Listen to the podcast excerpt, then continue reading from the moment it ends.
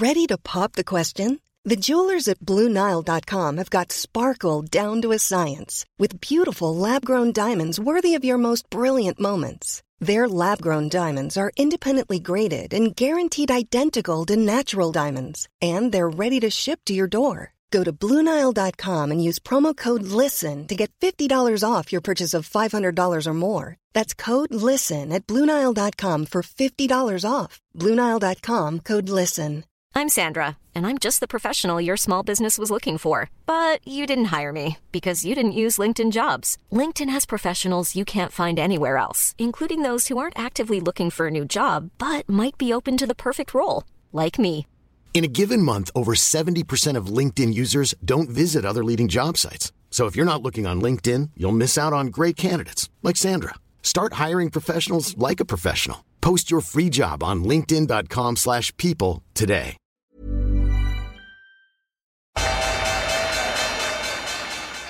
They mistook leverage for genius. Leverage for genius. I would recommend Japan. The governments don't rule the world. Goldman Sachs rules the world. Velkommen til en ny episode av podkasten 'Tid er penger'. En podkast med Peter Warren. Dette er episode 74, men egentlig 73,5. Fordi at dette er første gangen vi gjør en episode utenfor rytmen. Der vi lager en ekstra episode eh, litt over ei uke etter den siste. For det er også veldig mye som skjer i markedet akkurat nå. Eh, så dette blir også en episode der vi eh, ikke har sedvanlig lydkvalitet, siden vi ikke har tilgang på studioet. Jeg er i Tromsø, og Peter er i Oslo, og vi gjør det her via Skype. Så beklager litt redusert lydkvalitet, men det er det som må til i det her tida for å gjennomføre sånne her, eh, sånne her programmer. Eh, nå er det jo vanlig med Skype og TV, så folk har vel vent seg litt til det. Det er nye hverdager. Det er definitivt en ny hverdag. Så hele Men, CNBC-crewet sitter hjemme, f.eks. Så. Men, eh, men så er det jo også så mye nyheter som det nesten aldri har vært. Jeg vil si at det rivaliserer finanskrisa i antall nyheter, antall ting å ta tak i. Du påpekte ting som hadde skjedd som jeg rett og slett ikke hadde fått med meg, for det er bare drukner i alt som skjer. Eh, og da var det det at eh, at eh, statens obligasjonsfond hadde steppa inn i markedet. Ja. Og, og det er liksom én av tusen nyheter. Så, eh, men vi kan jo starte å, å snakke litt om det som skjer i obligasjonsmarkedet. Et marked som du har mer eller mindre obsessa over og kritisert i Norge siden ja, så lenge jeg har kjent deg. Eh, og det har vært Ja, siden samme problemer. Ja. Og nå Ja. ser vi virkelig problemene der. ja. Og den, dette er jo sånn der hvor det er lei, virkelig leit å ha rett i noe. Fordi det er, det, det er ingen vinnere i, eh, i, i en sånn situasjon. Altså Taperne er jo alle som har investert i disse, i disse obligasjonene. De er de opplagte ta taperne. Og skulle du foreslo å legge ned alle fondene og bare cashe ut for et år siden? Ja, ja, det, ja det var jo en Det var faktisk en, en svensk forvalter i Nordea eh, som, som mente det. Han mente at nå var liksom alt presset så langt inn, altså kredittspenn at egentlig så var det bare risk igjen.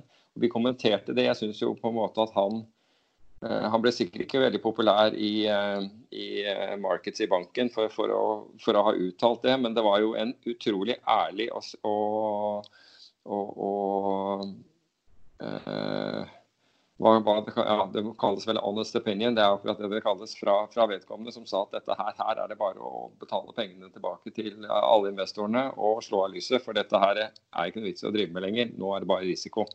Ja. Og, men det, det som skjedde etterpå, er jo at man har ut, fortsatt jo eh, en vanvittig serie med utstedelser av, av nye lån. Og, og kredittspreddene kom ytterligere inn, så alle følte at de ble rikere. Og så, så skjer dette. Og, men det, altså, jeg vet jo at alle nå skylder på korona, og korona var det som utløste denne, denne finanskrisen. Det er ingen tvil om det ingen, eller, eh, utløste krisen, og det er ingen tvil om det. Men noe vil det, vil det ha vært, altså uansett. Og så fort du får uvær inn i det markedet, så forsvinner kjøperne. Og dette gikk jo da så langt at fond måtte stenge for innløsninger. Måtte jo gå til Finanstilsynet og si at vi, vi kan ikke det, det nytter ikke å selge disse obligasjonene. Det fins ikke kjøpekurser i markedet. Og fikk da anledning til å suspendere, suspendere fondene. Og, og, på, og, nå står det hauger av investorer som, er, som, er, som, har puttet penger i disse fondene, som er, som er naturlig nok misfornøyde. Og, men, og du kan si at så, Det er vel noen hundre milliarder i Norge i obligasjonsfond?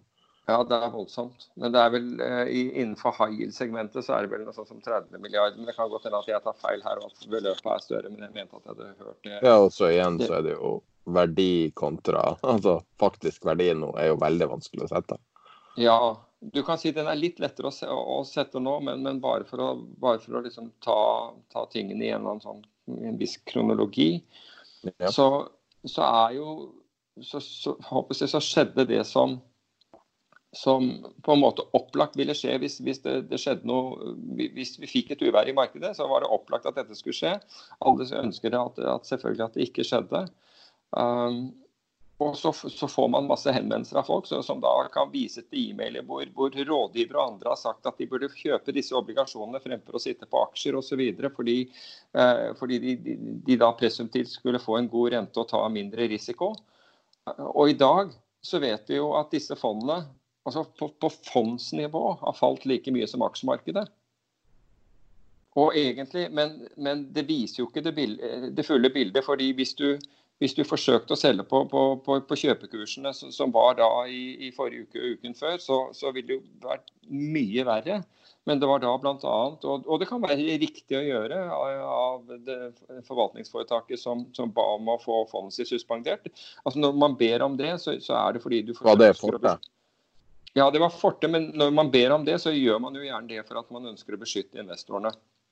For, og mener at disse verdiene, som, altså disse, disse, kjøpekursene som er her nå, er fullstendig uh, urealistiske å, å, handle til. Hvis vi gjør det, så, så, ødelegger vi verdier. Vi mener at det er mye mer verdier enn dette. Og da er jo faktisk det en riktig ting uh, å gjøre. Um, du kan si at Jeg ville jo hevdet det at disse, disse fondene ikke egnet seg for daglig likviditet i det hele tatt. Det burde vært mye, de burde være å anse som hedgefond. Uh, og kanskje ha månedlig likviditet eller noe sånt. Og, og, til og med det kunne vært for mye. Men uh, myndighetene, da, altså for, fordi obligasjonsmarkedet, og nå snakker jeg ikke om, om denne delen av obligasjonsmarkedet, altså høyrenteobligasjonsmarkedet, men obligasjonsmarkedet i det hele tatt tørket ut og, og, og nærmest kollapset i Norge, så etter at vi hadde det vår, eh, eh, vår, eh, vår, forrige episode, så stablet man da Statens obligasjonsfond på bena, som da faller inn under Folketrygdfondet. Og Det er Kjetil Haug som har med dette å gjøre. Han har jo erfaring tidligere fra, fra Byside. altså han, er, han har jo sittet som, på investorsiden selv i jeg mener Oslo Pensjonsforsikring, og før det i Alfred Berg, så han har jo mye, mye kunnskap. Men det, det interessante var at i det øyeblikket man skjønte at de kom på bena, da plutselig begynte det å dukke opp kjøpekurs i markedet. Da, da, da, plutselig begynte folk å melde seg altså også meglerforetak å melde seg som marketmaker og prøve å kjøpe. fordi da hadde du noen å selge til. og Det er jo litt interessant. Så da kom det faktisk kjøpekurser inn i markedet. Men uten dem så tror jeg det der hadde altså Vi kan egentlig takke da takke da regjeringen for at man stablet denne, denne eh, innretningen på bena. Nå, nå, når det er sagt, så har vi ikke sett mye. Altså er fortsatt de fleste gjennomsnitt av disse, disse høyrentefondene i hvert fall ned, ned uh, ca. 25% Eller mellom 20 og 25 så, så, Men i det minste nå så har du fått inn en investor en, som, har, uh, som har penger og noe sånt som 50 milliarder, er det ikke det de sitter med? Og, og som følger en, en, plan. Og planen er jo at det skal lønne seg, det de gjør. Så ja. de ser da på, på uh, altså De vil jo snakke med, med, selskapet, få oversikt over selskapet, forretningsplanen til, uh, til selskapet. Altså de, de kjøper uh, De har anledning til å kjøpe ratinger på B minus og bedre. Eh, så de vil se, og de vil snakke med ledelse, og det er, det er viktig at det finnes en, si, en, realistisk forretningsplan, og at, eh, og at eiere også, altså med andre ord aksjonærer i disse selskapene også deltar. For at, skal, for at de skal gå inn og, og, kjøpe obligasjoner. Og de gjør det. Altså de, de, dette, er et, uh, dette er ikke en subsidie. Dette, dette, er, dette er, et fond som ja, De deltar mer som, som, som tradere, på en måte? Ja, altså litt sånn, som, in, som, investor. Jeg tror nok de er, ja. er forberedt på å sitte til forfall. Men, det, men, du kan si at det er jo akkurat nå man skulle stablet et, et, et sånt fond på bena. og Jeg tror jeg skrev det i en, i en blogg. Men det tar altfor lang tid å stable nye det minner, om, det minner om TARP litt. Og det var jo det beste som skjedde i finanskrisa, som ble betalt tilbake 100 Stabiliserte ja. bankene og har vært en sånn eh, for framtida noe som man virkelig kan kopiere, for det fungerte så godt. Nå har det jo ja, vært det, utallige ja, jeg, jeg må tenke litt mer for, for, å være enig om det er TARP, men, kan, men det, er, altså, det er jo altså for, uh, Ja. altså Hvis du bare oversetter TARP, da, uh, Troubled Asset Relief Fund, så, så, så, kunne du jo, så kunne du jo si at det, det, beskrivelsen er lik, uh, er lik oversettelsen. Men, men, poenget her er at dette er, noe, dette er, ikke noe, subsidie. De foretar investeringsbeslutninger altså, så, som, en, som, en, investor. De har en rolle å fylle. Men du, altså de, de, de, har ikke tenkt å putte penger rett ned, ned i, et, i, et, svart hull. Og hvis eh, de som liksom skynder seg å prøve å kjøpe for, foran dem, er for grådige, så risikerer du at de bare sier vet du hva, nei, vi, vi byr ikke det. Og så blir du sittende med, med, med dette selv. Så... Mens du har eh, snakka nå, så tok jeg opp uh, litt fondsdata fra VFF, bare for å se hvor mange fond det, snakker, det dreier seg om. Og de klassifiserer jo fond basert på en sånn 1-5-skala. Og det er bare en håndfull 4-5-6 som, som, da har den uh, av fem i, i, risiko, altså basically høyrenta. Men det er veldig mange som er unrated også. Mm. Så uh, full high yield så er det en, i hvert fall et sted mellom 10 og 20 fond, ser det ut som. Men så har du jo mange som altså Investment grade alt er jo truffet av, av det her.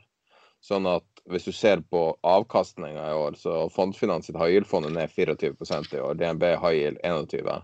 Alfred Berg ja. 21. Heimdal, hva enn det er, for noe høyrente ned 18% Men det er vel bare dem som i det hele tatt klarer å selge no noe som helst og hadde cash nok til å innløse ja, altså jeg, jeg, tror nok at de, de, tallene vi ser nå, er, altså de avkastningene vi ser nå, de, de representerer nok en uh, en, en form for uh, mer, mer, i virkeligheten. Men den virkeligheten ville, altså var ja, ja, men før, før, Statens obligasjonsfond kom på plass, så var, så, så var det mye dystrere. Altså måtte du ut da, og, du, og, og, og, forvalteren var tvunget til å selge, så hadde det vært en, en mye verre. Vesentlig verre enn det vi, det vi ser nå. Så, du synes som alle de bailoutene vi har fått en sånn bailout-kultur i verden, som er helt uten sidestykke. Altså hver eneste dag så er det én til ti nye eh, lokale og, og, internasjonale bailouter rundt omkring. Og størrelsesorden er nesten uendelig på noen av dem. Ja. Fed har flere ganger sagt at vi, vi gir oss aldri, liksom, uansett hvor, hvor, mye penger det er. Og de snakker om helikopterpenger, og liksom, nesten bokstavelig talt Uh, altså jeg, jeg, tenker jo at, du, at, alle disse tingene må kvalifiseres. og Hvis du ser hvorfor har vi, handlet, hvorfor har vi havnet i, i den situasjonen, det gjelder ikke bare obligasjonsmarkedet, men obligasjonsmarkedet er egentlig uh, et godt eksempel. Vi har havnet i denne situasjonen fordi vi alle, altså alle har vært short volatilitet i en eller annen form, og, og, hatt, og, og kombinert med skyhøy gjeld. Mm. Og når jeg mener short volatilitet, så, så du er short volatilitet når du blir skadet av, av, av uh, uforutsette hendelser. Da, da, er du, da, er du, short volatilitet. Så, og du kan si at her har vi fått en, vi fått en uforutsett uh, hendelse.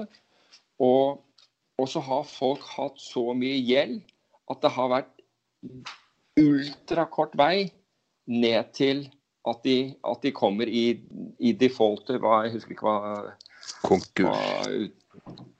ja, eller, eller, i hvert fall kommer i en situasjon hvor de ikke kan betjene, betjene gjelden sin. Ikke sant? Man har krympet den marginen. Man har økt og økt og økt gjelden. Og det er helt naturlig at i en oppgangssykkel at ja, så, så, er den gjerne gjeldsdrevet, men dessverre så er menneskeheten sånn at vi overdriver, vi blir for grådige. Vi skal gjøre for mye. Vi ser at er, så lenge vi klarer å betjene den, og så, og så tenker vi at ja, men det skjer jo aldri noe, så det er jo bare å kjøre. Hvis jeg trykker til nå, så, så det, det, det, større giring du har, det, det, det rikere blir du. Men samtidig så minsker du den sikkerhetsbufferen.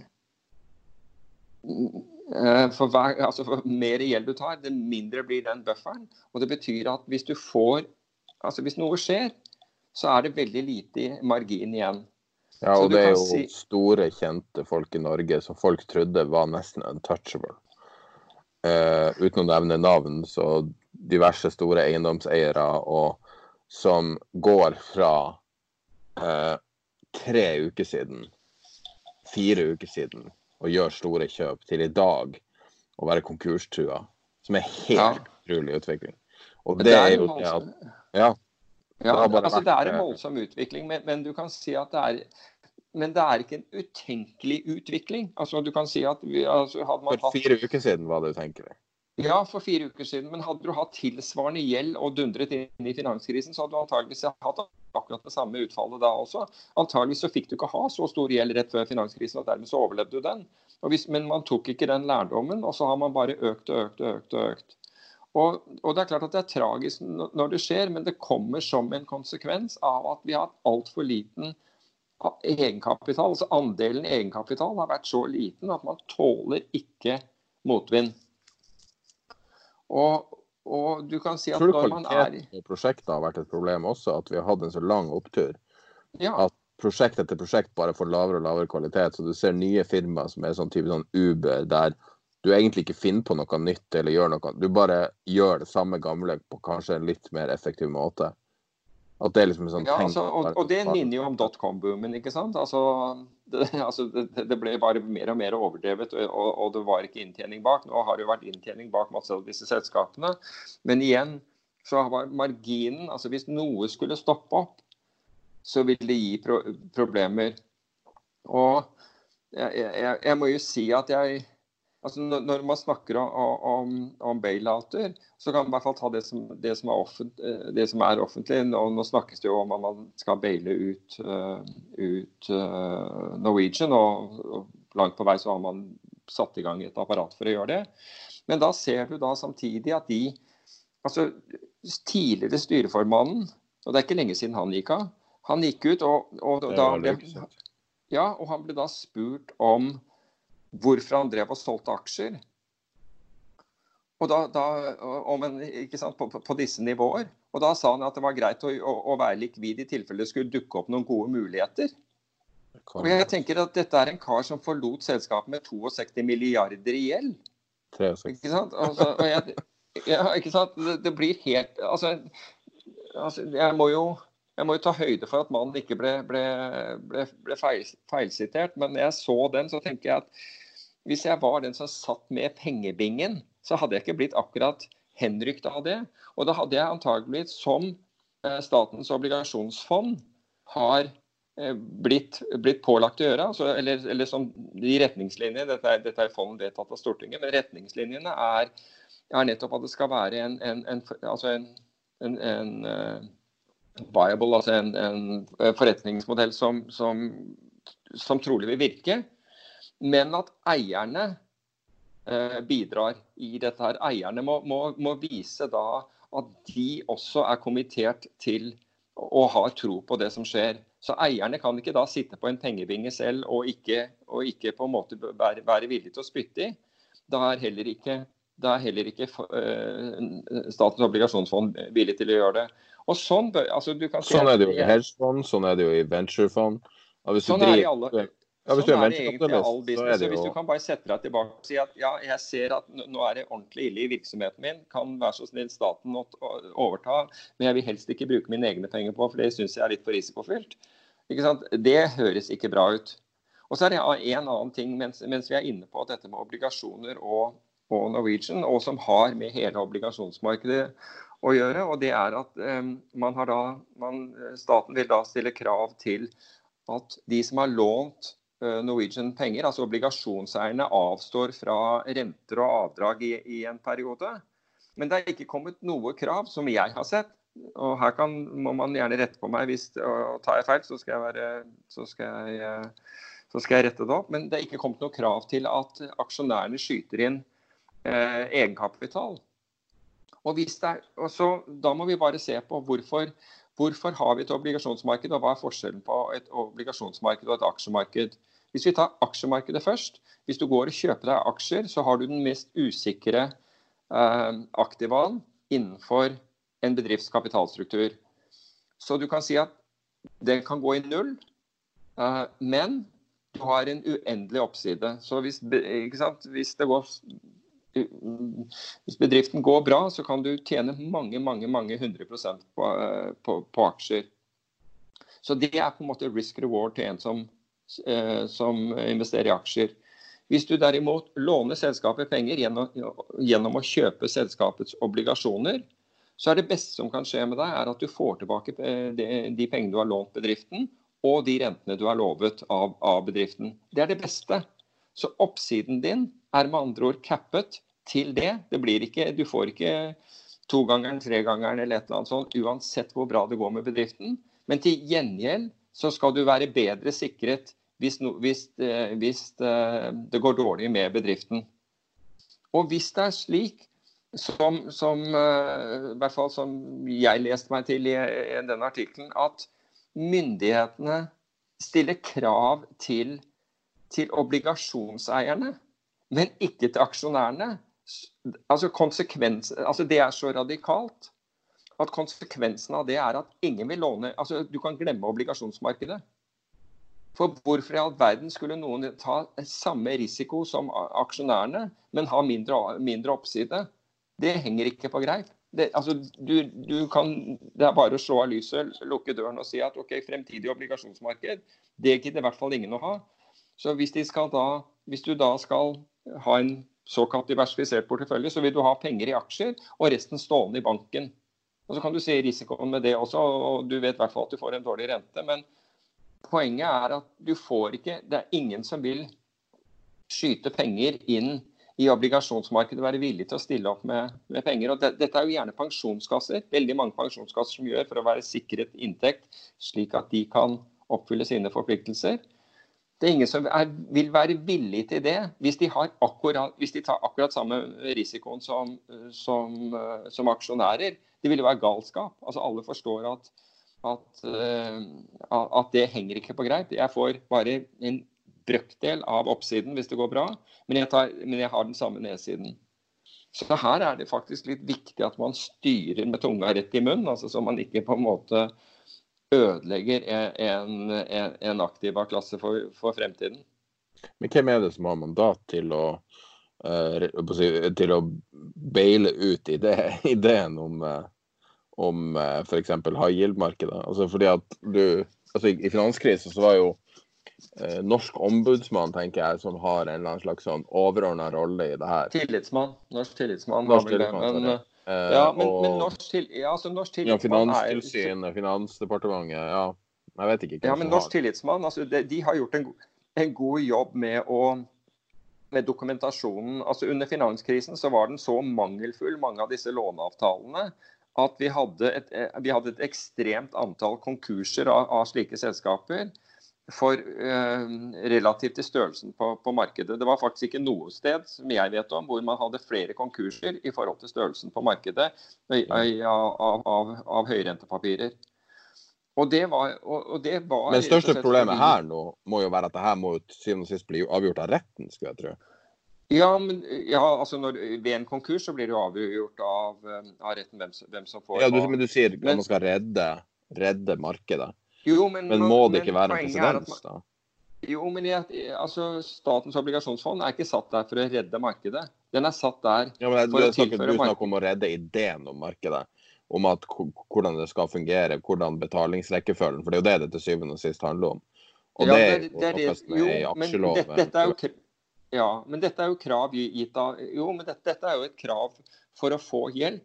Som ble fremsatt overfor Norwegian. Men du kan si at med, med all respekt, jeg kan ha tolket uh, det der feil, men sånn som jeg leser det, så ble kravene stilt til obligasjonseiere, og jeg så ikke noe krav stilt til, til, til aksjonærene. Så du kan si at hvorfor i all verden skal obligasjonseiere avstå fra noe som helst, altså med mindre aksjonærer skyter inn egenkapital og gjør selskapet sikrere? Det, det, det henger heller ikke ja, greip. Hvis man skal si, snakke om hva folk Jeg ser jo at det er veldig mye diskusjon rundt eh, eh, diverse potensielle bailouter, og da spesielt profilerte folk som har brukt veldig mye energi på å snakke om snakke seg sjøl opp i historisk, og nå da med en gang det butter en måned etterpå, så, så er det hatten i handa, og så uh, nå må jeg hjelpe. Og så er det snakk om nå er det plutselig arbeidsplasser som skal bevares. Så man må jo hele tida balansere det her med at man ikke blir en lender of last resort, og at du fjerner helt straffen i, i markedet. Sånn at spørsmålet er jo hele tida at eh, at hvor mye blir du straffa på en måte for å ta dårlige valg. da. Så I Norwegians tilfelle så har jo aksjonærene blitt dramatisk straffa. Uh, ja, altså det er jo, det, jo, men du kan si at en, jo, men ta f.eks. en aksjonær som går inn i dag. blir jo ikke nødvendigvis, Han, han blir dramatisk altså dersom det er slik. Men det er ikke han som har fått valgene deres. Det er det jeg mener.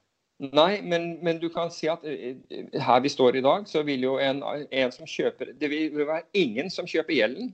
Og alle vil kjøpe aksjene hvis, hvis det er slik at de som sitter på gjelden, skal være de som som gir, da, da vil det være ekstremt lønnsomt å sitte på aksjene. Da er det bare å gå inn og kjøpe aksjer. Det er jo liksom en free for all, fordi det er andre som tar regninga. Ja, Hvis du tenker på dem som har tatt valgene. altså Det blir på en måte, altså det som er store problemet De som har tatt valgene, er jo på vei ut. Det er jo helt klart. for du ser ja, ja. de selger seg ned hele tiden.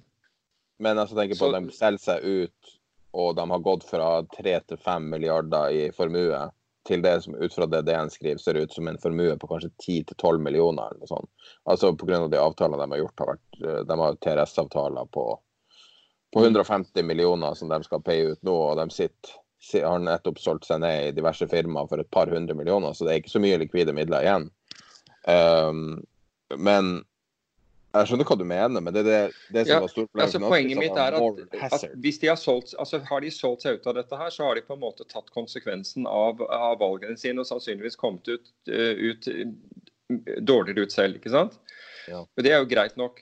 Men hvis de Poenget mitt er at hvis man sitter der altså hvis du, hvis du, hvis du, du er nødt til å, å behandle dette i forhold til, i, i forhold til hvordan det, det ser ut i kapitalstrukturen. Du kan ikke gi den som presumptivt skal ha en sikrere posisjon, en dårligere deal enn, den, enn, enn de som ikke har det. Det, det, liksom, det, henger ikke på greip. Fordi, altså, hvis du sier at altså, det, er, det, er, jo to forhold her. Det ene er hvis, hvis de som er aksjonærer, har, og som satt der og hadde, hadde mulighet til å, til å påvirke, har, har, solgt seg ut, da er, på en måte de, da er de ute. Og har, da har de heller ikke noe forpliktelse lenger til selskapet. Derimot, hvis de satt i selskapet, de sitter som aksjonærer i, i, i selskapet, og du kommer inn og så sier du nei, vet du hva, eh, det er, det er de som har lånt deg penger, som skal, denne, som, som skal nå ta, ta belastningen for å, for, å, for å, få dette selskapet opp og stå igjen. Da er det en altså, du, altså Det minimum vil jo være at de måtte skyte inn selv, ikke sant? Men det som er spørsmålet her, er jo på en måte Det er jo et strukturelt og et moralsk spørsmål. Så det som er litt av poenget her, er hva er det man prøver å oppnå? Eh, så mitt syn på det her er at man prøver å bevare eh, arbeidsplasser primært. Det er det primære fokuset. Og da er spørsmålet hva får man mest for pengene? Er det best å kjøre folk i bakken og konke dem, og så da bare la ting bygge opp? Og det tror jeg er et litt sånn definisjonsspørsmål. fordi at hvis ja, det, du da tenker... det er jo en vurderingssak, egentlig. Ja, ikke sant. For jeg tenker på hvis du ser på Choice-hotellene, f.eks. Så la oss si at de går konkurs, og at Petter Stordalen må bare bære vannet sitt sjøl. Eh, så sier man OK, greit, hva skjer da? Det er nok en asset som altså Han sier han har 10 milliarder i eiendeler, diverse hoteller rundt omkring. Og det er noe ting som ikke forsvinner i likhet med jernbanen i 1929 og, og eh, fiberoptikken i, eh, i dotcom-krisa. De konka. Ja, altså Stordalen har vel selv altså, har vel, han, Jeg mener at jeg leste et eller annet sted at et, etter finanskrisen så hadde han kjøpt et hotell som det hadde kostet 1,7 milliarder å bygge eller sånt for 200 millioner, så han er jo ganske ja. kjent med å, å, og, og, utnytte sånne situasjoner ja, og så har vi uh, selv, selv også. Konkurser, og, og, det var bare én måned siden. Et sitat han nok angrer litt på nå. Men, uh, men poenget da i den sammenhengen så er jeg mindre tilhenger av, av uh, bailouts uh, når, du, når, du, ser på hva er det man prøver å bevare. For jeg tror at, at det kommer inn folk som er opportunister, som han var, som kommer inn og basically bygger det her opp igjen relativt fort. Når det kommer til Norwegian, ja. så er det langt mer en flyktig ting. Norwegian er ekstremt viktig for infrastrukturen i Norge. Mm. men da kan man jo legge føringer på hva, hva de skal gjøre. De har jo en virksomhet i Argentina, masse sånne rare prosjekter. Ja. Eh, men det er jo den norske infrastrukturen man er interessert i å, å beskytte, ikke noe sånne flyktige drømmer. Liksom. Så jeg tror det må gjøres vurderinger for at ting på en måte blir riktig. For det er jo det det er snakk om nå. Nå blander man jo kapitalisme og kommunisme litt med hverandre. Ja. Og da er det ikke så rart det blir litt vanskelig å vite hvordan man skal gjøre det. Men det er også et hensyn å ta, og det er i forhold til internasjonale Eh, kapitalmarkedet og internasjonale investorer, som det norske kapitalmarkedet faktisk er ganske avhengig av. Veldig mye av kapitalen som kommer her, altså i, være seg i, i aksjemarkedet eh, eller i obligasjonsmarkedet, kommer også fra utlendinger.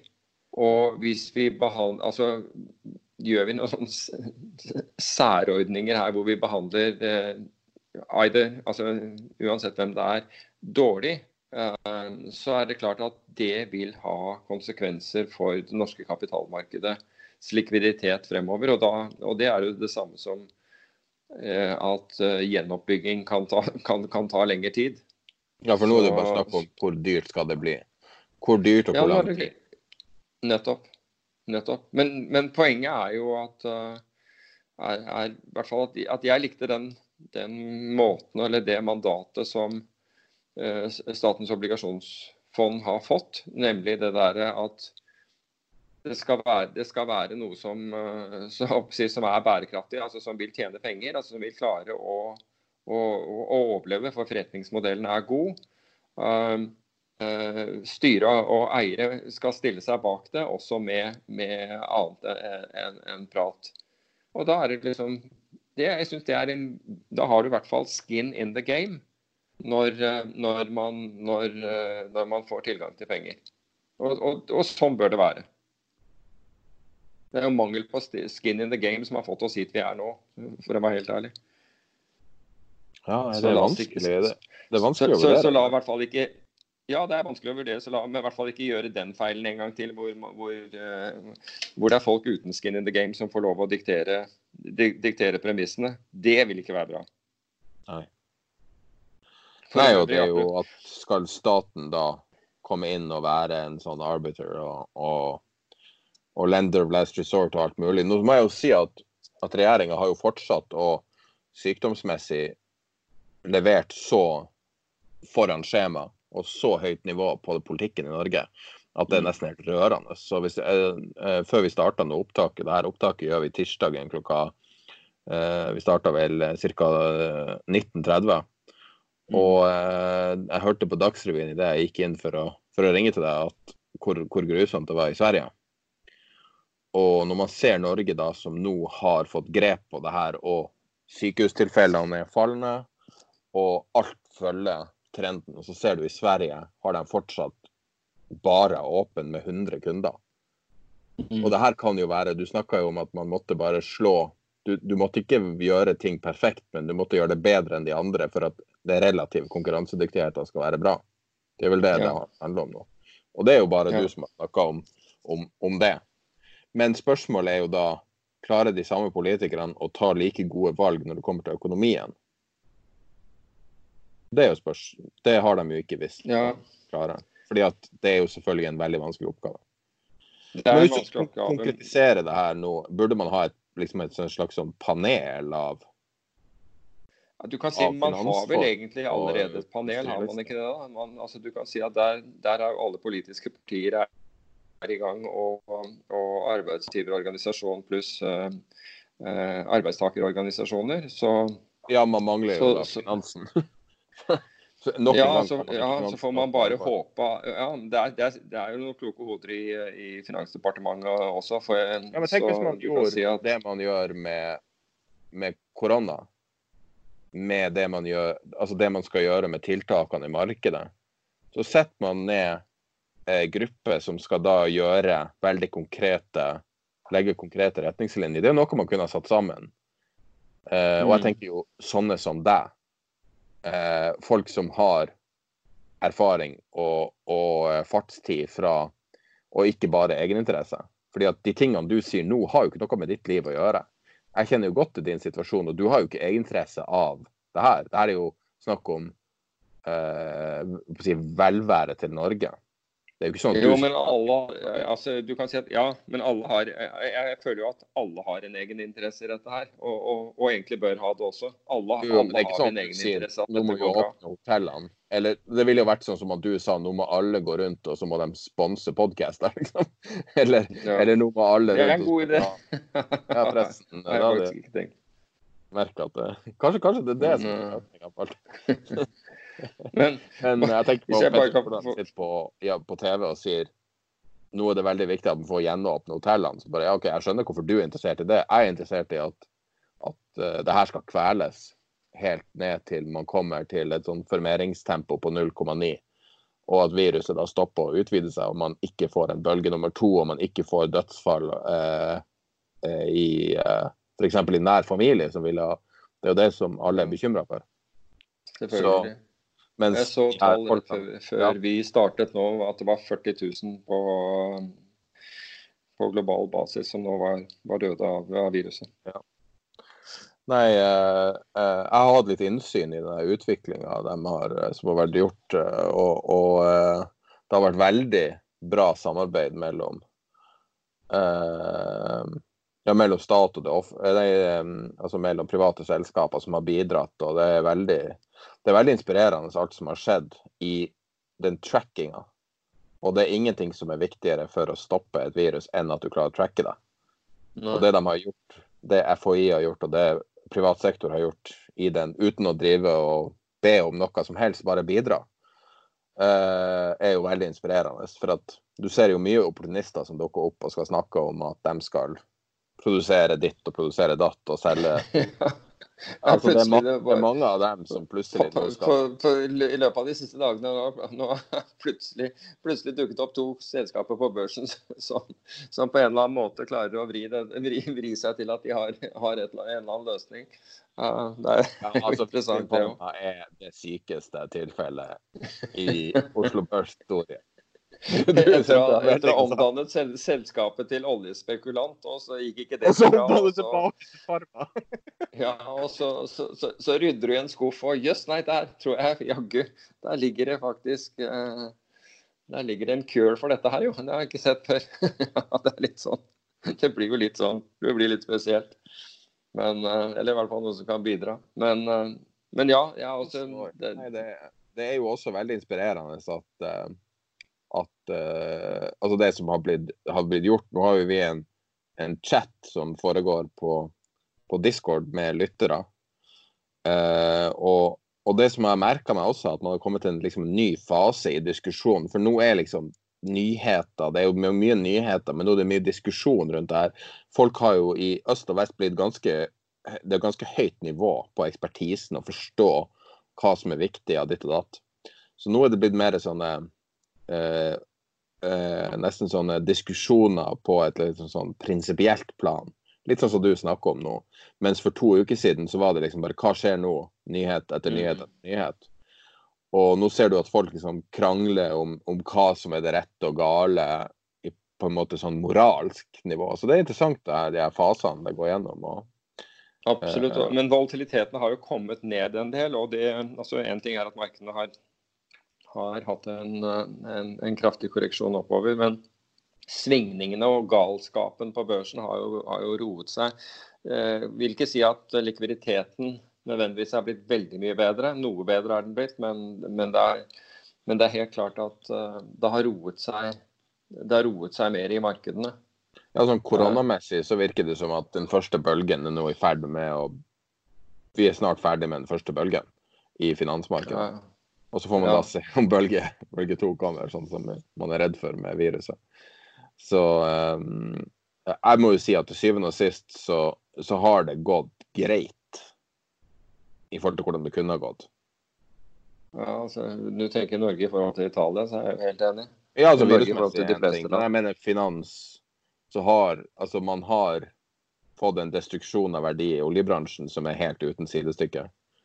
Men jeg tror, jeg tror nok det er en ganske stor destruksjon i, eh, i, hos finansinvestorer, i hvert fall de som har vært mest belånt også. Jeg tror temmelig sikkert at det har vært en ganske ja, det, er nok, det er nok noen mørketall som kommer ut der etter hvert. Som, Men eh, selskapene er nå der fortsatt. Og jeg ville ha trodd at det var flere konkurser nå, så Ja, ja, jeg, jeg tror jo at, at man holder av på det. Altså, du kan si at det er jo noe som dessverre kommer, da.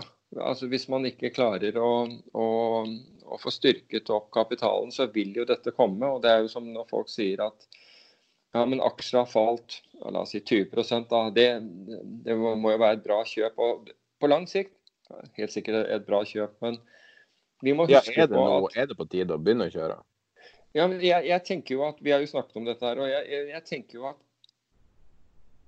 aksjekurser altså vi, vi kom fra rekordhøye nivåer. altså Rekordhøye eh, kurser i forhold til eller ver, ver, verdier i forhold til inntjening. Og hva har skjedd siden? Jo, har, liksom, kursene har kollapset da ned 20-30 Men det vi vet, jo, det vi vet blant annet, altså, eller blant annet spesielt pga. nedstengingen, er jo at inntjeningen vil falle dramatisk. Og, og de, disse tallene har vi ikke sett ennå. Altså, man må jo begynne å regne på hvor fordi vi vet jo ikke hvor lenge dette vil vare. Men én ting er helt sikkert, er at inntjeningen til selskapene så man, man kan godt si at jeg syns 20% ned er et bra kjøp, men det er jo aksjekurser i forhold til inntjening som er viktig. Uh, og, og inntjeningen har vi ikke noe har vi, har vi veldig lite begrep om. og det, det kan, altså Hvis dette drar ut i tid, så, så, så blir man ytterligere kraftig eh, straffet. Og, og det, er jo tydelig store investorer. Altså jeg, jeg, må innrømme at jeg fikk helt den B. Sterns inngangen til finanskrisen-følelsen. Ja. Da Allianz Global Investors plutselig eh, nedla eh, to, eh, to kreditthedgefond. Uh, og det var jo hedgefond som da hadde ja, det var kjøpt ekko fra fortida. det der, Altså.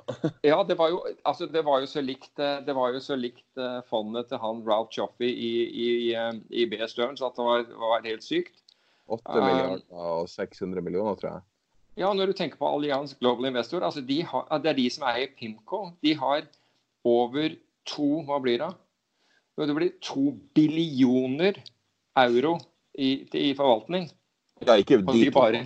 Ikke de to. Nei, nå snakker jeg om, nå snakker jeg om Allianz Global Investors. De, har- Ja, ja. Så, Altså så de er jo kjempestore. De er en av de største forvalterne. Og, og det er bare liksom Der eh, la man ned disse her to, to hedgefondene pga. På, på grunn av kjempetap. Og det var jo akkurat det som var innledningen til finanskrisen. Det var B. Stern som la ned det, som, som, altså hvor disse fondene ikke fikk eh, ikke fikk kreditt til å drive. De, altså margin, altså de måtte stille med så mye sikkerhet at de hadde ikke, de hadde ikke mer sikkerhet, så fondene gikk, gikk til null. Så det skjedde. Og jeg må si, Da, jeg, da, da fikk, følte jeg at det var et ordentlig kaldt gufs når det, når det skjedde. Men bare for å illustrere hvor, altså hvordan det norske høyrentemarkedet bare det siste jeg skal ta om det, har utviklet seg i forhold til f.eks. For amerikansk og europeisk. og det er at Spreddene, altså med andre ord det du må betale for å låne i høyrentemarkedet, altså, og det er jo basert på hvordan, hvordan kursutviklingen var altså størrelsen, den, den, den er gått ut 66% mer enn i, i USA, og over 100% så mye som de europeiske spreddene. Og, og nå snakker jeg om siden slutten av februar og, og, og til forrige uke. Og Det forteller deg hvor illikvid det norske markedet er. altså 66% større spreddutgang i Norge og over 100 eh, så stor spreddutgang som i Europa. De, altså, du kan si De tallene der er Hvis ikke de overbeviser deg, så, så, overbeviser ingenting deg. Og hva er det de forteller deg? Jo, at hvis du skal, hvis du skal låne penger til, til, disse selskapene, eh, de norske selskapene i fremtiden, altså de som, som vil låne høy, så, altså, som vil utstede høyrenteobligasjoner, da skal du ha godt betalt. Du skal ha vesentlig bedre betalt enn i, i de andre landene. Fordi den risikoen du, du har der, er nå, nå kan, nå kan, vi kvantifisere en del av den risikoen. Det kunne vi faktisk etter finanskrisen også. Men, men, men, men hva, hva det heter? Nobody cared. Men, nå Nei. vet vi i hvert fall litt om disse tallene. Men uh, altså, vi har jo vi har jo en veldig annerledes krise denne gangen i og med at alle har playbooken fra finanskrisa. Og Det er derfor bailoutene kommer så fort og i så voldsomt tempo. Så Hvis du ser størrelsen på de amerikanske bailoutene, så er jo de mm. allerede større enn hele det som var i finanskrisa. Men det skjedde jo over nesten et år. Ja. Mens nå har det skjedd på altså Hvis du ser det på det samme chartet, så er det liksom én move. Og så er alle pengene bare pøst på, og så sier de at vi skal pøse på uendelig. Og det store spørsmålet er hva skjer med dollaren i det her? Fordi at Er det her one step too far? Er det slutt på petrodollaren? Er det slutt på det slutt på mange ting nå? Og, og det er jo, det føler jeg er et legitimt spørsmål nå. Altså, folk flokker seg jo fortsatt til, eh, til, dollaren, som er den største valutaen. og Det er der fundingen foregår. Så, så, du snur jo ikke disse tingene over natt. Det er jo ikke en sjanse for. Altså, det, det, det, det, blir sikkert sagt mye om dette i ettertid, men det ble det forrige gang også. Det hadde jo ingen, hadde jo ingen effekt. Og når USA, som var den mest aggressive til å drive med kvantitative lettelser, med andre ord pengetrykking, kjørte pressen for fullt, så hadde det jo ingen, det hadde jo ingen negativ effekt for, for, eh, for, valutaen. Og mye for de andre sammenlignbare land, altså land med store eh, valutareserver og, og, store valutaer, sånn som eh, Japan, eh, EU, Storbritannia, Sveits osv. De, de trykket også. Og dermed så, så, så kan du si at uh, når alle trykker, så gadd man ikke å se hvem det var som trykket mer eller mindre uh, enn de andre. Så det har hatt liten effekt for, for dollaren. Men det er klart at en veldig sterk dollar er ikke bra for, for USAs økonomi. Det er ingen tvil om. Nei. Uh, vi kan Altså, en ting som var besynderlig for meg og mange andre ved første øyekast her om dagen på Oslo Børs, var jo det at den faste måte, korrelasjonen mellom oljeprisen og Oslo Børs ikke bare brøyt, men reverserte helt. Der du hadde eh, prisen på et fat eh, brenteolje eh, falt med noe sånn som 11-12% på et tidspunkt. Og Oslo Børs steg. Og mm. Eh, Equinor, gamle Statoil, steg også. Og da er spørsmålet altså er det, er det det at det er helt sinnssykt marked nå, eller er det på en måte det at når det først har falt så mye, så har den, den eh, eh, relativt begrensa, altså i dollar, da, relativt lille fallet, har ikke så mye å si lenger. fordi at de er uansett under break-even. Så da, da, er det andre faktorer ja. som har noe å si enn hva, hva prisen er akkurat nå. Ja, så no, Noe av, av, uh, av, oljefallet, eh, sett med norske øyne, har jo blitt uh, har jo blitt dempet ved at, at dollaren har steget mot norske kroner, men selvfølgelig ikke eh, tilsvarende. Men jeg tror at altså, det er nok en dekobling. altså En ting vi vet om korrelasjoner, og det er at de er, de er sjelden stabile. Men jeg vil jo si, som du påpeker, at den her er sjeldent ustabil akkurat, akkurat nå. Men det var jo én dag det var virkelig påfall. Ja, og det var jo ikke så lenge etter at uh, at eh, Equinor annonserte enorme kutt. sånn at Man skulle tro at de enorme kostnadskuttene er viktigere akkurat nå enn hva de får i eventuelt spotmarkedet eller i futuresmarkedet for, for oljen.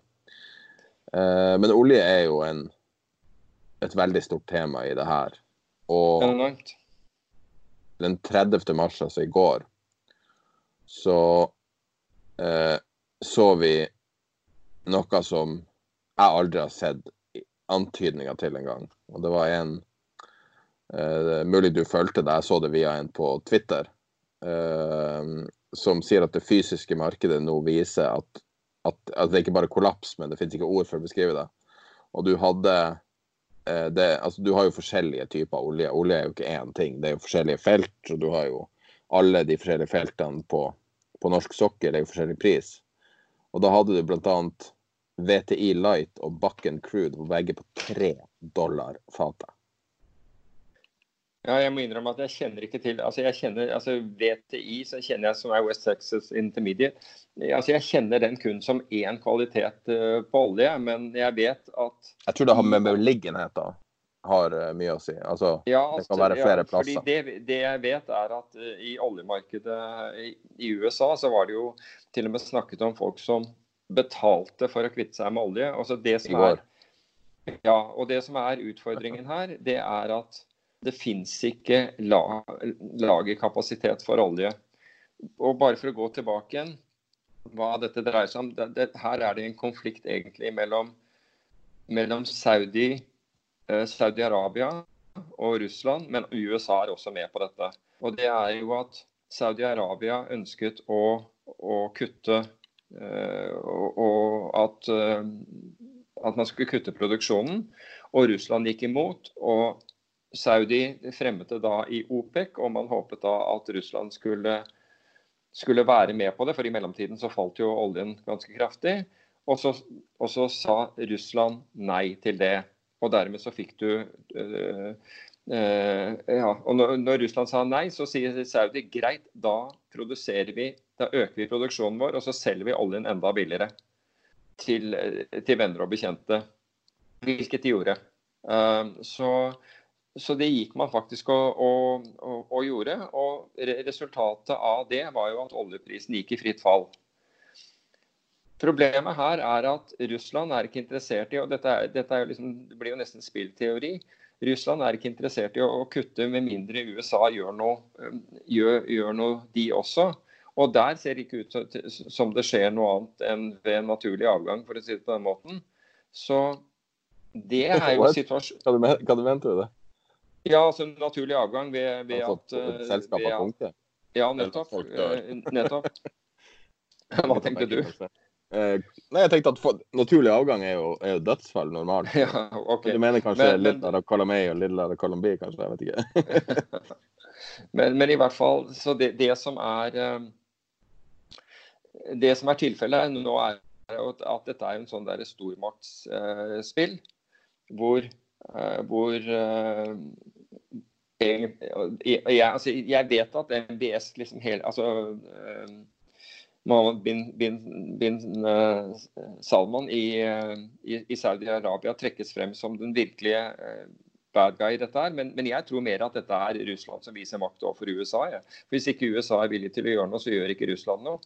Um, og, man, og det var snakket, snakket om at var det vel i går eller var det tidligere i dag at, at Trump hadde en samtale med, med Putin, men det ble og, og, Som selvfølgelig var excellent og magnificent og, og hadde alle superlativene. Men det sto ikke noe om når, altså, om noe enighet og eventuelt man, og at man skulle kutte produksjon. og Dermed så falt oljen brått igjen. ikke sant? Da falt den over en dollar per, per fat i løpet, av, i løpet av noen minutter.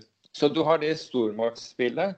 Og resultatet av dette er at fordi Saudi nå selger masse billig olje ut i markedet, så de, det, er, det, er, ikke nok konsum til å, til å ta imot. Altså Verdens konsum av olje pga. denne krisen er vel gått ned med rundt 25% så det er, ikke, det er ikke nok til å ta unna oljen, så den må lagres. Og Det gjør at den oljekurven, altså forward-kurven av olje, som da har vært i det vi kaller backwardation uh, i, i, i, mange år. altså med andre ord hvor olje får nærlevering eh, har handlet til mye høyere priser enn olje for fremtidig levering. altså La oss si seks måneder eller tolv måneder ut eller et eller annet sånt. Den er reversert, så nå har hele frontenden av kurven altså for, for ingen, ingen kan, altså Hvis du ikke har noe sted å gjøre oljen, hvis du ikke kan konsumere den eller lagre den, så har du, så har du et alvorlig problem. Ja. Og, der, og, det igjen har gjort at, i hvert fall for den arabiske gulf, og det er sikkert en haug av tankere på vei dit nå, så har da eh, shippingratene gått voldsomt, steget voldsomt for, for VLCC-er og ULCC-er og alt dette her. Fordi de brukes til lagring. Og, og, Det har vi også sett, sett eksempler på under, under finanskrisen. Så, så de store Finanskrisen oljetraderne er ganske kortlevd, husker jeg. Det var en relativt kort periode. Og man skulle jo håpe at noe tilsvarende Normalt så vil ikke det være altså. Men jeg kan fortelle deg, for jeg, jeg, altså, hvis du ser på forskjellen i pris, da, så er det mellom, mellom spot-kontrakten i brentolje og neste måned, altså det, det er da mai mot, uh, mot juni-kontraktene, så er det 16,5% Altså øh, spot-kontrakten handler 16,5% under. Så du kan si at hvis du begynner å fylle opp en sånn VLCC med dette, det er klart at den, den koster noe. Å, å ha, men det er ikke sånn at du trenger å stime rundt på, på havet. Men hvis du bare hvis du, hvis du da kjøper olje spot, tar levering av den, og i det øyeblikket du kjøper den, så selger du den på termin om én måned. Med andre ord, du, skal, du, du har da solgt den til noen andre, så du vil levere den om en måned. Så har du 16,5% rente på én måned. Ikke annualisert, på en måned. Hvis du, hvis du er kjøper hvis du, ja, eller hvis, men du, hvis du da kjøper den Men hør på dette. Hvis du da eh, kjøper den i dag og laster den om bord i, i, i eh, tankbåten du har leid, og selger den eh, for levering i desember og Husk på at du gjør, du gjør det på samme tid. Det er bare en- altså, på, på moderne tradingsystemer så har du spredden, altså du, spredden mellom disse. Du kan kjøpe og selge. eh, Du kjøper spot, selger, selger desemberkontrakten eh, med ett klikk. Så har du 64% avkastning på åtte måneder. Minus kostnadene på, på, på, leie av, av, av skip. Og forsikring og rengjøring og, og, og den biten der. Så Derfor så, så går tank, tankratene. Men det er, det er som flere har sagt av, av disse meglerne, du må huske på at når, når, dette, når dette normaliserer seg, så altså, det, det sender tankratene i været, og det sender eh, aksjekursen på mange av disse, disse tankrederiene i været. Men mange av disse båtene vil, ikke, vil, ikke, vil sannsynligvis ikke være altså finne, finne eh, frakt etter at, etter at det, det, dette presset her er, er, er ferdig. Fordi da, altså på, på grunn av at, eh, at eh, aktiviteten har, har sakket av. Men, men det er hvert fall det, det som foregår som gjør da at frontmåneden handler så mye lavere enn en bakmånedene. Så olje for levering som sagt, olje for, for levering i, i desember er 64% høyere enn oljen for levering umiddelbart. eller om, om Men det er jo spørsmålet gjør du det her? Det høres jo veldig attraktivt ut. Minus Om det gjøres, ja. ja, ja og det er, årsak, ja, det er årsaken til at Frontline og mye, an- mange andre går. Åpenbart, men gjør du det her? Nei, jeg, du kan si at du, altså du, du kan ikke være privatperson og leie, leie en VLCC, tror jeg. Jeg kan høre med naboen, eller, men eh, jeg tviler vel på det. Men du har jo den der lille brygga, du kan kanskje legge den der? vet ikke. Ja, Men det er, det sånn her eh, flytebrygge, eller det ja jeg kan ja, prøve å legge den på tvers helt ytterst. siden av kajakken? Ja.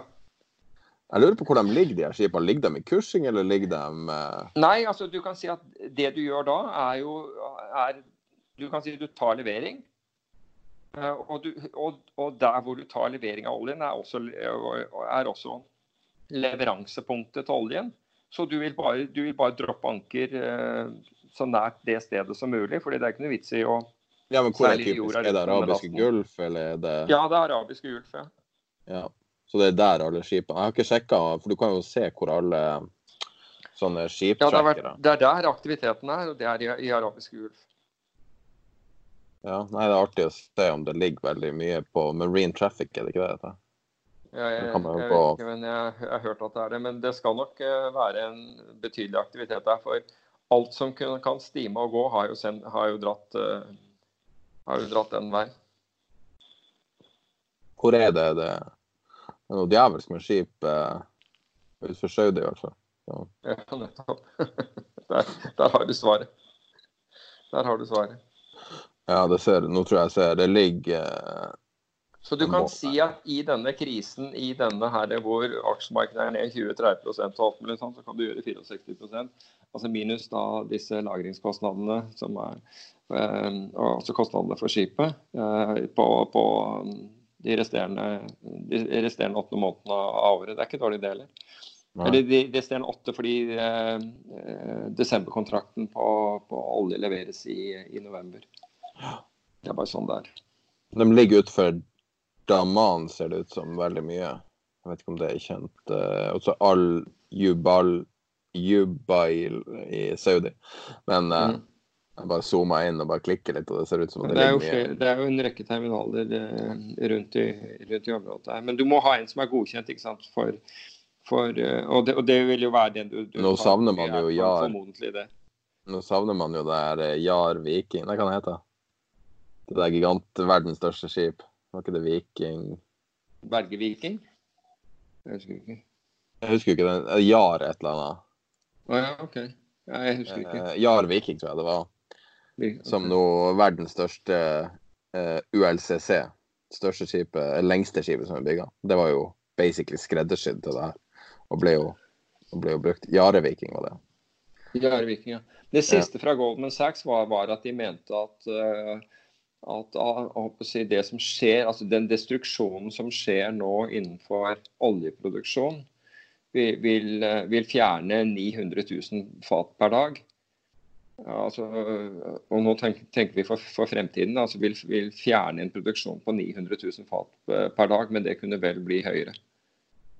Og det, samme, det Jeg regner med den samme rapporten der de sa at uh, oljen kan helt fint gå i null. Og nå, ha, ut fra det du sier, så har den vel gått i null, altså.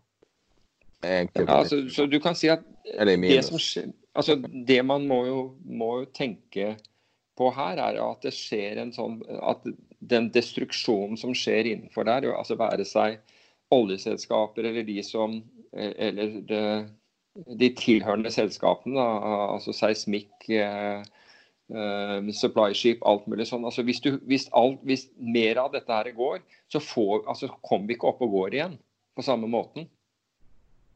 Så det er, det er, en altså Når vi da tenker på beredskap og, og verdens- og nasjonaløkonomien fremover, så, så, må man også tenke på hva konsekvensene av og, om, en, om en industri blir, blir eh, desimert. altså.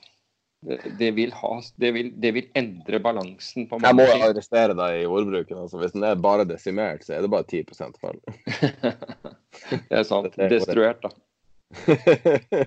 så Beklager.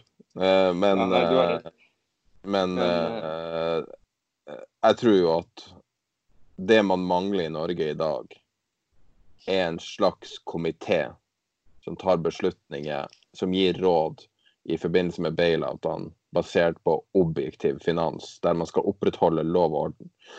Og vi har jo noen politiske og ymse journalister og diverse som lytter på.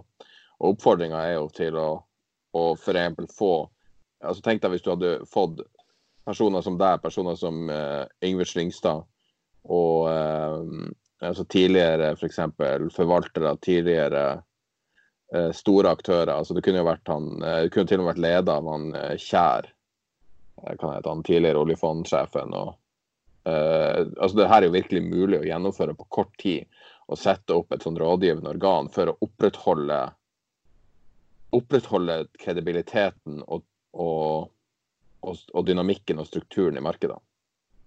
Altså, jeg, jeg er ikke noe tvil om at det finnes uh veldig smarte hoder på, på, på dette i, i, i, Norge. Helt utvilsomt. Så vil da dem som er i avisa hver eneste dag, kan få lov å Og dem som bare er ute etter å mele sin egen kake, kan få lov å holde seg utenfor det, mens de er litt mer seriøse. For det, ja. Det, det, er virkelig, det er virkelig en mulighet her til å, til å være excellent. Altså dette, dette, er jo en, en, tid i historien som er liksom som, som, kan, som, kan, make you or break you. Rett og slett.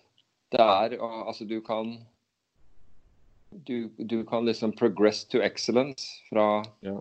Fra, fra, fra, en, fra, en, sånn tid i historien, og du kan gjøre det motsatte. Ja, du, altså, kan, du være... kan bli general i, i, krigstid på veldig fort, liksom, og, og det er det det er jo det vi ser øst og vest, og så ser vi veldig mange gamle generaler som blir til mening nå. Ja.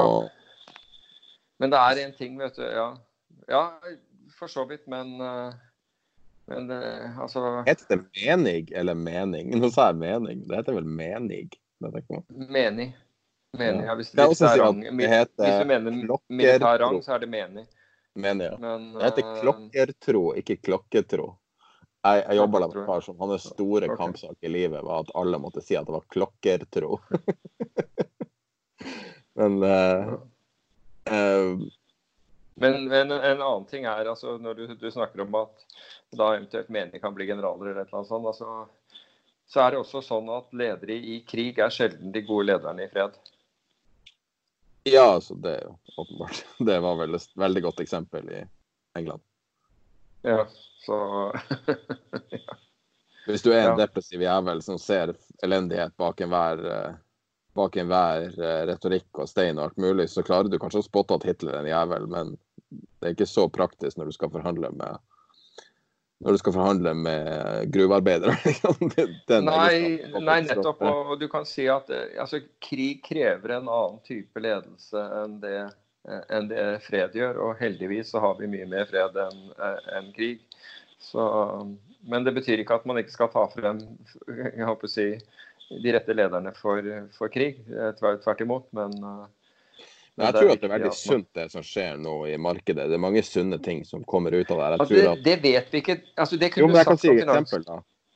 Folk vasker hendene og har forståelse ja, for sånn, virus. Og det her viruset, tross alt, alt tatt i betraktning, er ikke så ille. Det kunne vært veldig mye verre. F.eks. Hvis det, hvis det gikk at det ikke hadde noe å gjøre med din um, helsetilstand. At det drepte indiscriminately.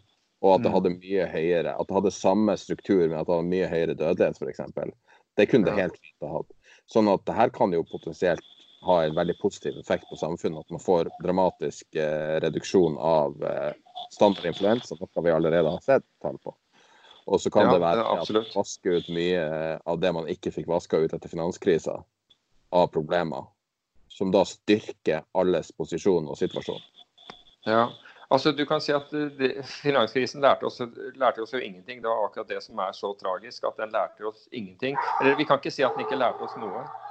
Det er bare Sorry. Det er innbruddsalarmen som går. ja, det er, Ja, Bikkja di, det når du kommer eh, Jeg har vært der et par det er den finbente firbente innbruddsalarmen som akkurat Altså, han er, han er så jævla barsk. Jeg vil bare si nominative determinismen din på valg av navn er ganske sterk der. Ja, nå, nå skal det sies Bark. at det var ikke jeg Ja, han heter Barky, men det var faktisk det var den kennelen hvor han, eh, hvor han kom fra, som hadde gitt han det navnet. Når jeg var 18 år, så fikk foreldrene med seg hund. Og, og så var det ei venninne av meg som foreslo navnet Loke.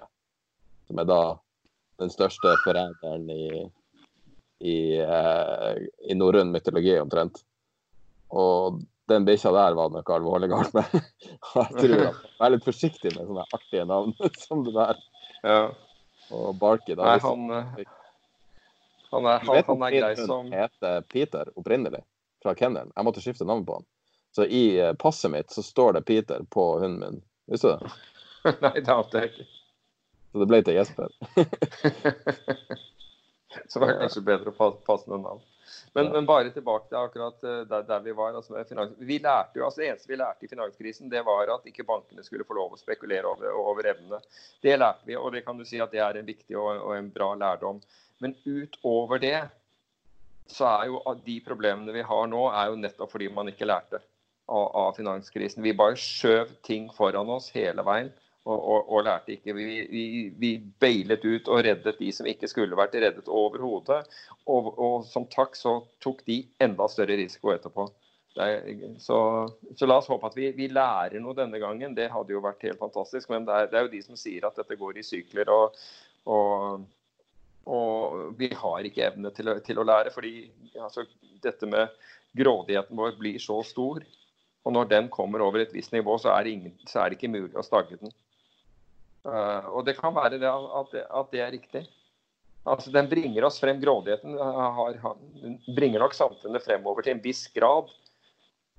Og da, da tenker jeg grådighet etter å skape, ikke bare etter penger, men grådighet etter, etter å skape og bygge og den type ting. Men hvis den kommer ut av kontroll, og det og, og De økonomiske syklene viser jo at den gjør det. Altså Sykelen sant, som, som består av, eh, av, av produktivitetsvekst og, og, og, og, gjeld. Og når da gjelden blir for stor, så, så smeller det. Det, det, har jo, det har jo vist hver eneste gang. Nå har det forresten, eh, mens vi har hatt podkasten, kommet en nyhet ut av, eh, av det møtet med, med Trump og, og, Putin. At Putin tilbød USA medisinsk hjelp i forbindelse med koronaviruset, og, og, Trump aksepterte det. Nå er det et fly på vei med, med medisinske artikler. Så det, er, så det er der det har vært hele tiden? Hjelpen har vært i Russland? Uh, ja, altså Russland var første landet på jorda til å stenge grensen. WHO ja. sa ikke stenge grensen. Ingen problem der. Og Russland sa én time senere at de stengte grensa til Kina. ja.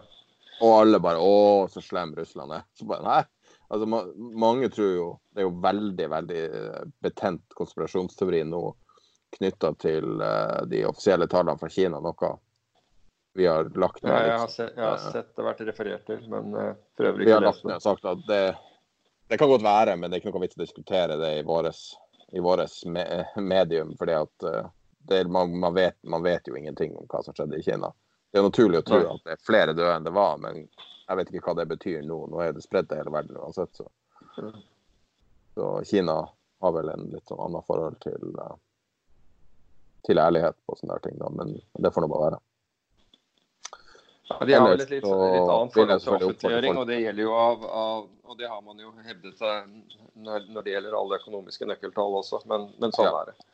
Det er ikke for oss. Men jeg vil jo oppfordre folk til å bli med i både Facebook-gruppa til Tid er penger, og der finner du også en link til Discord-chatten som er da vår eh, realtime diskusjonsfora. Uh, nå er det 2300 folk der inne, så det begynner jo å bli litt. Ja, det er voldsomt. Hadde... Hvem skulle trodd at eh, det var et uh, si, fullverdig mediebyrå vi startet? Da vi ja, det var det jeg Hele veien. Så overrasker ja, mye det her, da. Men... Egentlig sant. Egentlig sant. Uh, men det, jo, altså, det, har jo vært det har jo vært veldig mye å snakke om nå. Folk er desperate etter informasjon. Så jeg skjønner jo godt at de oppsøker folk som har da en fornuftig stemme i alt det her kaoset. Fordi at alle de her andre som driver og kommenterer ting i hytt og pine, de syns jeg har forsvunnet litt. Altså. Du ser ikke så mye av dem som, som alltid kommenterer alt mulig. Nei, det var faktisk en journalist som, som sa til meg også de, de, de, de vanlige snakkehodene var, var, var, nå hadde gjort seg utilgjengelig eh, i, i, mange, i, i, mange hus. Men uh... Jeg hørte jeg snakka med Jeg hjalp en bedrift med en, en omstrukturering, bare sånn, som har ingenting med koronavirus å gjøre. En bedrift som foregår vanlig. Og så snakka jeg da med et uh, finansieringsselskap. Eh, og de sa bl.a. at uh, kredittverdigheter til hele reiselivsbransjen, de er svartelista i alle, i alle um, i alle kanaler. Og Eh, altså alt som har med finansiering å gjøre, åpenbart. Og så i tillegg så er det helt enorm pågang for å frigjøre likviditet i alle, altså trekke på alle kredittlinjer i alle Sånn at folk på Men det er jo selvfølgelig ikke noe sjokkerende at det er tilfellet, men jeg fikk nå høre det direkte. Mm. Så, ja, det, alt er bra med Ellers er det jo veldig mange av, av lytterne som, som, foreslår temaer. Og, vi takker for det. Vi, vi, vi, noterer oss alt sammen. Men det er en sånn omslått av, av forslag til, til, til, temaer i øyeblikket at vi er nødt til å at vi har en lang liste og skal, vi skal forsøke å jobbe oss gjennom hvert fall der hvor flere ber om det, ber om det samme. Um, med, i, i, i, kommende episoder. Ja, vi skal ha en ny episode om bare seks dager. Så med litt ja. høyere lydkvalitet. Eller seks eller syv dager. Så mm. Så da har vi litt tid til å ta tak i, ta tak i ting. Noen av disse tingene. Helt riktig. Så, uh, men nå var det bare Dette er første episoden uh, utenfor utenfor den faste liksom, syklusen på annenhver uke som vi har laga. Jeg lurer på om vi, om vi gjorde en annen, ja, og det var i forbindelse med, med den da Einar Aas. Altså den, den Nei, det var, i, det var, ikke utenfor uh, rytmen. Det var... var... det ikke det? Ok, for jeg vet at vi hadde, neste, vi hadde vel en Einar Aas eh, rett og slett episode på, på ja, Var ikke det Fordi... da du havna i Wall Street Journal? Jo, Hadde ikke dem det det er riktig. løsning? Han, Jeg hørte jo, stemmer det.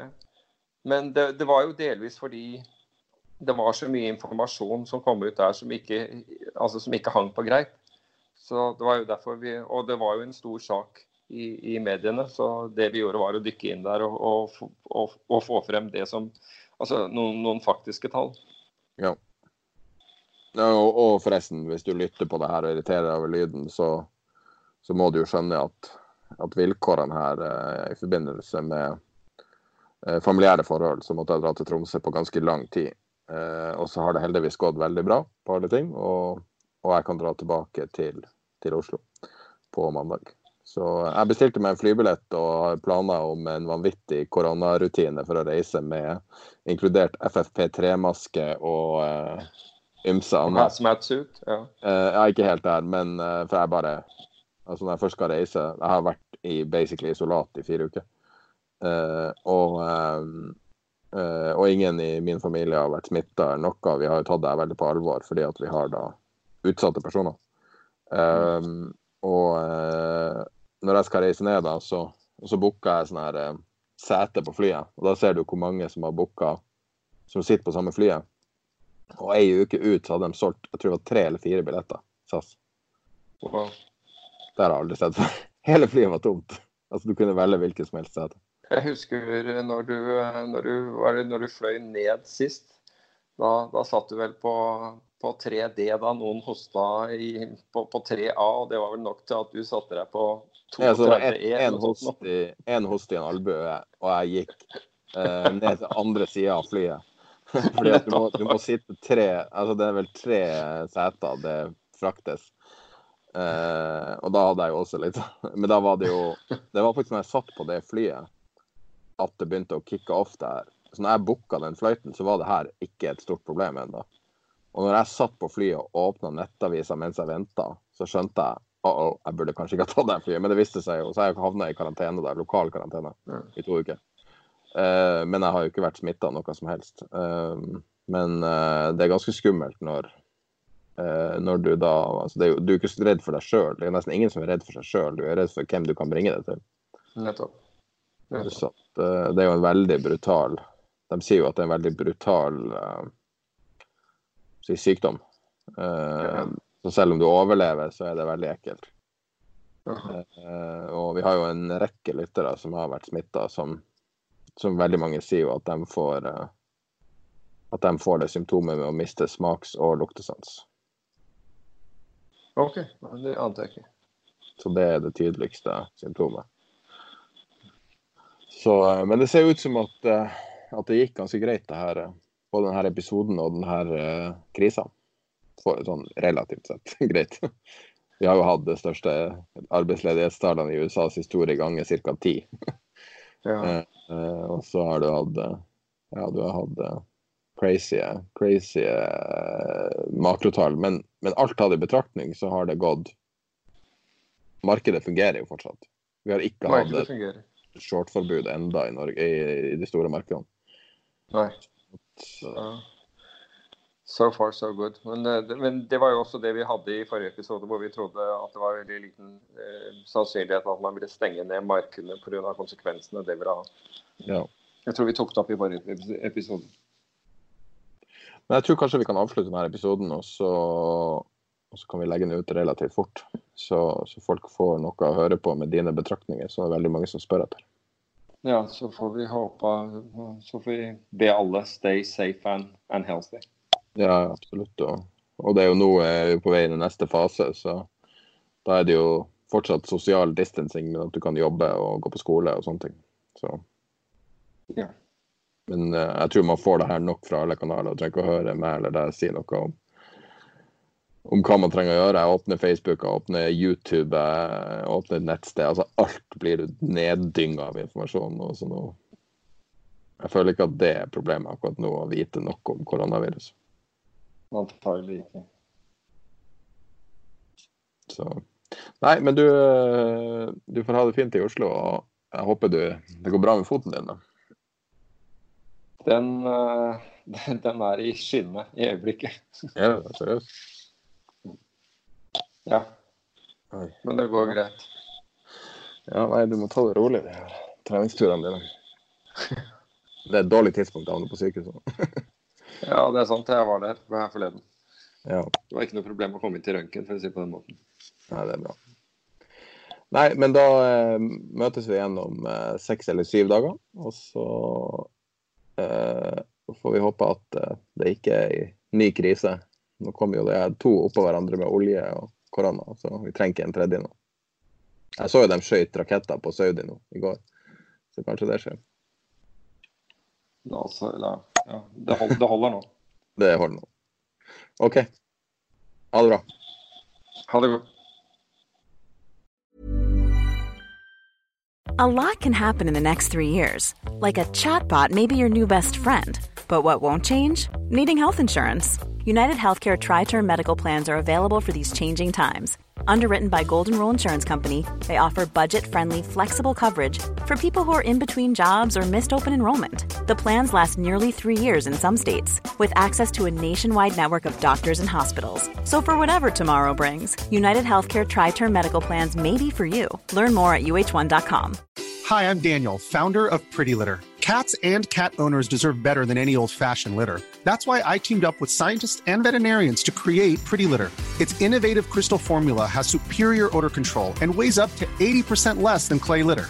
Pretty Litter even monitors health by changing colors to help detect early signs of potential illness. It's the world's smartest kitty litter. Go to prettylitter.com and use code ACAST for 20% off your first order and a free cat toy. Terms and conditions apply. See site for details. Even when we're on a budget, we still deserve nice things. Quince is a place to scoop up stunning high end goods for 50 to 80% less than similar brands. They have buttery soft cashmere sweaters starting at $50, luxurious Italian leather bags, and so much more. Plus, Quince only works with factories that use safe, ethical, and responsible manufacturing. Get the high-end goods you'll love without the high price tag with Quince. Go to quince.com slash style for free shipping and 365-day returns.